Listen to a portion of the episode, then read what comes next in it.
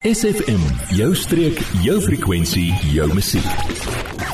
Kus tot kruin, jou weeklikse blik op die omgewing word met trots geborg deur Sandpiper Cottages Bochums Bay, want hier gee ons om vir jou en vir die omgewing. Goeiemôre, Fred Urbani, julle weeklikse program hier van die Mossel Bay Ateljee van SFM Streekradio en ons kyk uit oor hierdie wonderlike hawe en die wonderlike baai en absoluut omtrent nie 'n wolk in die lug nie. Hier en daar is daar so 'n klein wolkie. Ons gaan ver oggend weer met julle praat en dis die skrikte van die jaar so tussen hakies. Dis nou skrikkeljaar, die 29ste Februarie. Dit gebeur ook net een keer elke 4 jaar. Ek het gister gelees wat dit nou eintlik alles beteken, maar dit is te wetenskaplik vir my so ek kon nie bybly by die hele besigheid nie. Ehm um, vandag gaan ons praat oor uh, 'n uh, bietjie van klimaatsverandering. Ons gaan praat oor besoedeling en dan gaan ons praat oor skoonmaak aksies.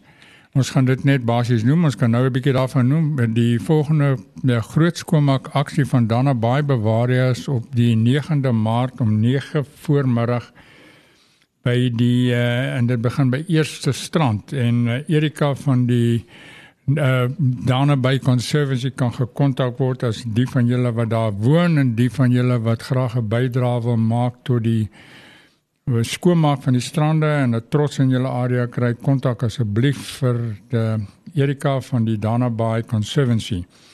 Dan gaan ons praat oor klimaatsverandering. Ons gaan net so vlugtig daaroor praat. Dit is 'n baie onderwerp wat feitelik elke dag bespreek word want elke dag en elke jaar lyk dit as ons klimaat 'n bietjie anderster is as die vorige jaar. Ons gaan ook gesels oor walvisse hoe hulle kan kommunikeer met mekaar en ook wat is die ooreenkoms tussen 'n walvis wat val en 'n boom wat val? Uh, is daar enige ooreenkoms en hoe kan ons daai stelling maak? Ons gaan nou net 'n bietjie verduidelik wat ons daarmee bedoel. En dan op die ou einde wil ons net uh, seker maak dat ons almal 'n volhoubare omgewingslewensstyl handhaaf. Dit klink nou wel soos 'n uh, instruksie, maar dit is nie so nie want ons bly in 'n wêreld veral hier op die tuinroete bly ons in 'n wêreld wat 'n tuinroete is en ons probeer daai tuinroete hou want uh, maar ons gaan nou nou oor gesels. Kom ons luister eers 'n bietjie musiek en dan kom ons terug na julle. Word deel van ons Facebookblad vandag nog facebook.com vorentoe skuinstreepie sfm streek. Ons is terug by julle en ons het gesê ons gaan bietjie oor klimaatsverandering praat. Nou ja, as 'n mens so kyk na wat se dag vandag is, dan wil ons graag hê hierdie klimaat moet bly soos hy is. Want dit is 'n absolute lekker vakansiedag. Ek weet nou nie of die boere heeltemal daarmee sal saamstem nie. Miskien is dit te warm, miskien is dit te koud. Maar klimaatsverandering is 'n realiteit. Nou, ons vra onsself altyd af, is dit 'n natuurlike verandering wat klimaat aanbetref of het die mens hoofsaaklike bydrae daarbey?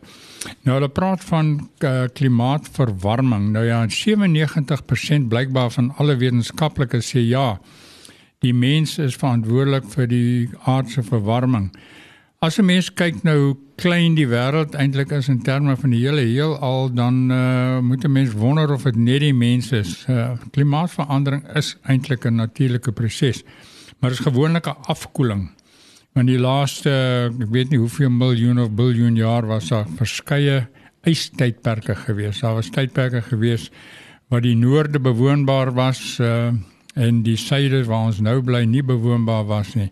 Die uh, klimaatsverandering het ook uh, verseker dat daar ysberge gevorm is waar daar voorheen nie was nie en ysberge suig water op uh, en as 'n mens net na Mossel Bay kyk en jy kyk na die horison dan moet jy besef dat omtrent so 120 000 jaar gelede was dit grasvlaktes gewees tussen hier en die horison soos jy dit vandag sien. Nou ja, hoe hoe kan ons bydra om uh, die klimaatsverandering te probeer aanpas? Ons boere vir alles baie kwesbaar wat klimaatsverandering aanbetref. Want as die boer nie kan bepaal wat se uh reën seisoen dit volgende jaar gaan wees of hoe die wind gaan waai nie, dan kan hy ook dikwels nie weet wat om te plant nie. So uh, uh ons ons is almal afhanklik van kos en die kos word deur boere hoofsaaklik deur boere verskaf en natuurlik ook deur die oseane wat die vis aanbetref.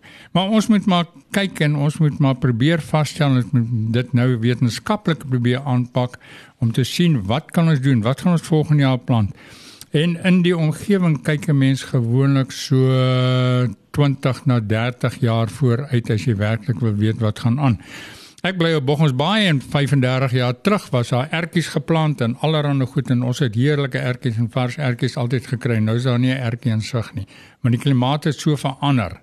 Maar ja, Uh ons elkeen kan 'n bydrae lewer en later in die program gaan ons 'n bietjie praat van uh, hoe kan ons uh, volhoubare leefstyl handhaaf, omgewingsgerigte leefstyl handhaaf. Maar ons gaan nou eers weer 'n bietjie musiek luister dan kom ons terug en ons gaan praat oor walvisse en bome. SFM, 'n juweel van die Suid-Kaap. Ons is weer terug hierso op SFM Streekradio op ons program Kus tot Kruin. Nou ja, ons het gesê wat het walvisse en bome in die gemeen. Kom ons kyk net 'n bietjie terug wat die natuur doen en wat die doel van die natuur eintlik is. Hulle sê in Engels noem hulle when a whale falls. Dit beteken uh die volgende as 'n walvis begin oud word en hy begin te oud word om saam met sy is dit sy trop of sy kudde of wat ook al dit is. Ek kan nou nie onthou wat noem mense klomp walvisse bymekaar nie, maar dit maak seker nie saak nie. Kom ons sê 'n klompie walvisse bymekaar. As hy nie meer daar sy pad of sy uh, sy weg kan volsien om 'n bydrae te lewer nie, dan wat dikwels gebeur met sekere soort walvisse, veral die baleenwalvisse, is hulle spring uit die water uit en dan val hulle plat op die water en dan sink hulle want hulle hulle dit is eintlik 'n tipe van 'n selfmoord want hulle weet hulle gaan dood en hulle is ook bereid om dood te gaan want hulle beskou dit as 'n natuurlike proses. Dan sink daai walvis en dit is gewoonlik in baie diep water dan sink daai walvis onder tot op die grond. En wanneer hy op die bodem lê van die see dan begin hy ontbind. En dis 'n lang proses dit vat 'n jaar of 2 jaar vir daai karkas om te ontbind. Maar wanneer hy daar lê dan uh, kom allerhande van die elemente van die natuur en hulle begin eet aan hom.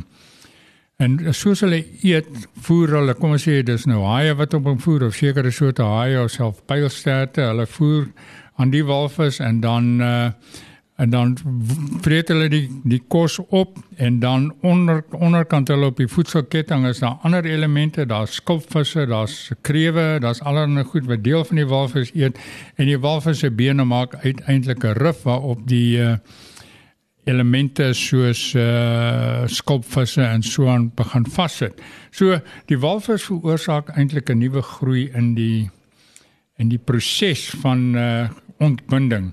Nou ja, 'n boom is dieselfde. As 'n boom in die veld nou omval, ons praat nou nie van 'n boom wat op die huis val nie, maar as 'n boom in die veld omval, dan moet 'n mens daai boom los, want daai boom word dan die beskerming van 'n klomp ander elemente. Hy onder die boom wanneer hy val, word hy vrot en dan as daar wurmpies wat kom en die wurmpies word gevolg deur uh, vliee en die vliee word gevolg deur goggas en die goggas word gevolg deur voeltjies en muise en as voeltjies kom dan mis hulle saad en dan is daar ontkieming van 'n klomp ander goed en so begin 'n nuwe proses van groei.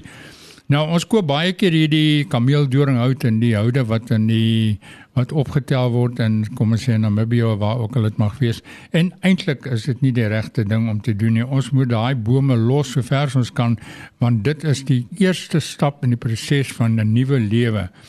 En soos die muise en alles bymekaar kom, is daar eile wat op die muise voer, slange wat op die op die muise voer en dan is daar ander goed wat op die eile voer en so aan en so begin 'n nuwe lewe. En dit is die ooreenkoms tussen 'n walvis wat val en 'n boom wat val. Albei is die begin van 'n nuwe lewe. Die dood van die een is die begin van 'n ander se nuwe lewe.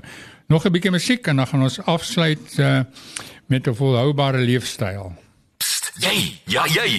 Nou dat ons jou aandag het, vertel jou vriende van SFM en ondersteun plaaslik. SFM maak elke dag 'n goed gevoel dag. SFM. Ons is nou besig met ons laaste inset hier van Kus tot Kruin. Uh, elke donderdag om 11:30 en ons praat oor 'n uh, volhoubare omgewingsgerigte leefstyl. Ons het net ook vroeër in die program gepraat van uh, klimaatsverandering en wat kan ons bydra om dit meer positief vir onsself te maak. Nou ja, volhoubare leefstyl beteken ek praat van 'n omgewingsleefstyl, nou nie 'n sosiale leefstyl nie. Dit gaan hand in hand met klimaatsverandering. Hoe leef ons volhoubaar? ons moet nommer 1 habitat verwoesting stop. Met ander woorde, ons moenie sommer enige ding wat inheems is net uithaal omdat hy daar is of doodmaak omdat hy daar is nie. Ons moet kyk waarmee kan ons saamlewe want alles wat lewe het 'n reg om te lewe of dit nou 'n plant is, 'n dier is of 'n vis of wat ook al. En uh, ons ons werklike doel op hierdie aarde is eintlik ons dat ons mekaar doodmaak om te eet. Ons lewe van mekaar af soos ons nou nog gepraat het van die walvis wat nou weer kos gee vir iets anders in 'n boom wat nie weer kos gee vir ander elemente. Nou ja, ons moet habitatverwoesting stop. So voordat jy 'n ding uithaal of afkap, asseblief kyk net of dit nodig is. En dan moedig ons herstel en herwinning aan. As ons as daar iets is wat verwoes is, kom ons kyk of ons kan herstel met inheemse aanplanting, nie vir al bome. As ons elkeen een boom 'n jaar plant uh, in hierdie Mosselbaai dan is daar seker omtrent 50000 nuwe bome elke jaar wat geplant word en dit gaan 'n groot verskil maak aan ons leefstyle. Gelukkig het die munisipaliteit 'n groot program wat hulle nou sê wat seker so 8 of 10000 bome al geplant het hierdie jaar en daar is aksies daar om te sorg dat bome aanhou aanplant word. Maar ek dink ons elkeen se plig moet te doen en as jy hulle aanplant, plant inheems. Ons moet ons inheemse voëls beskerm. Jy weet daar was nou groot reaksie weer op uh, groot brakse uh, ganse wat is dis eintlik 'n uitheemse gans en op 'n manier of mense daarvan hou of nie is dit 'n agshame ding en hulle is te cute om te sien en al daai soort van goed maar eintlik verdring hulle die plaaslike voëls en die plaaslike inheemse eende en allerlei ander bio uh bio bydraes natuurlike biobydraes vir die omgewing. So kom ons kyk net of dit nodig is om dit te doen. Die dassies by die punt is nog een van daai dinge. Dan as ons ons eie groente kan plant, sal dit baie goed wees want uh uh dit maak ons ook onafhanklik van uh groot klimaatsveranderinge as jy jy kan baie groente plant op 'n klein stukkie grond. En dan die hersirkuleer van dinge en op die ou einde kom dit daarop neer kom ons besoedel nie want besoedeling is besig om die wêreld te vers, laat verstik. Rioolbesoedeling, plastiekbesoedeling, allerlei besoedeling.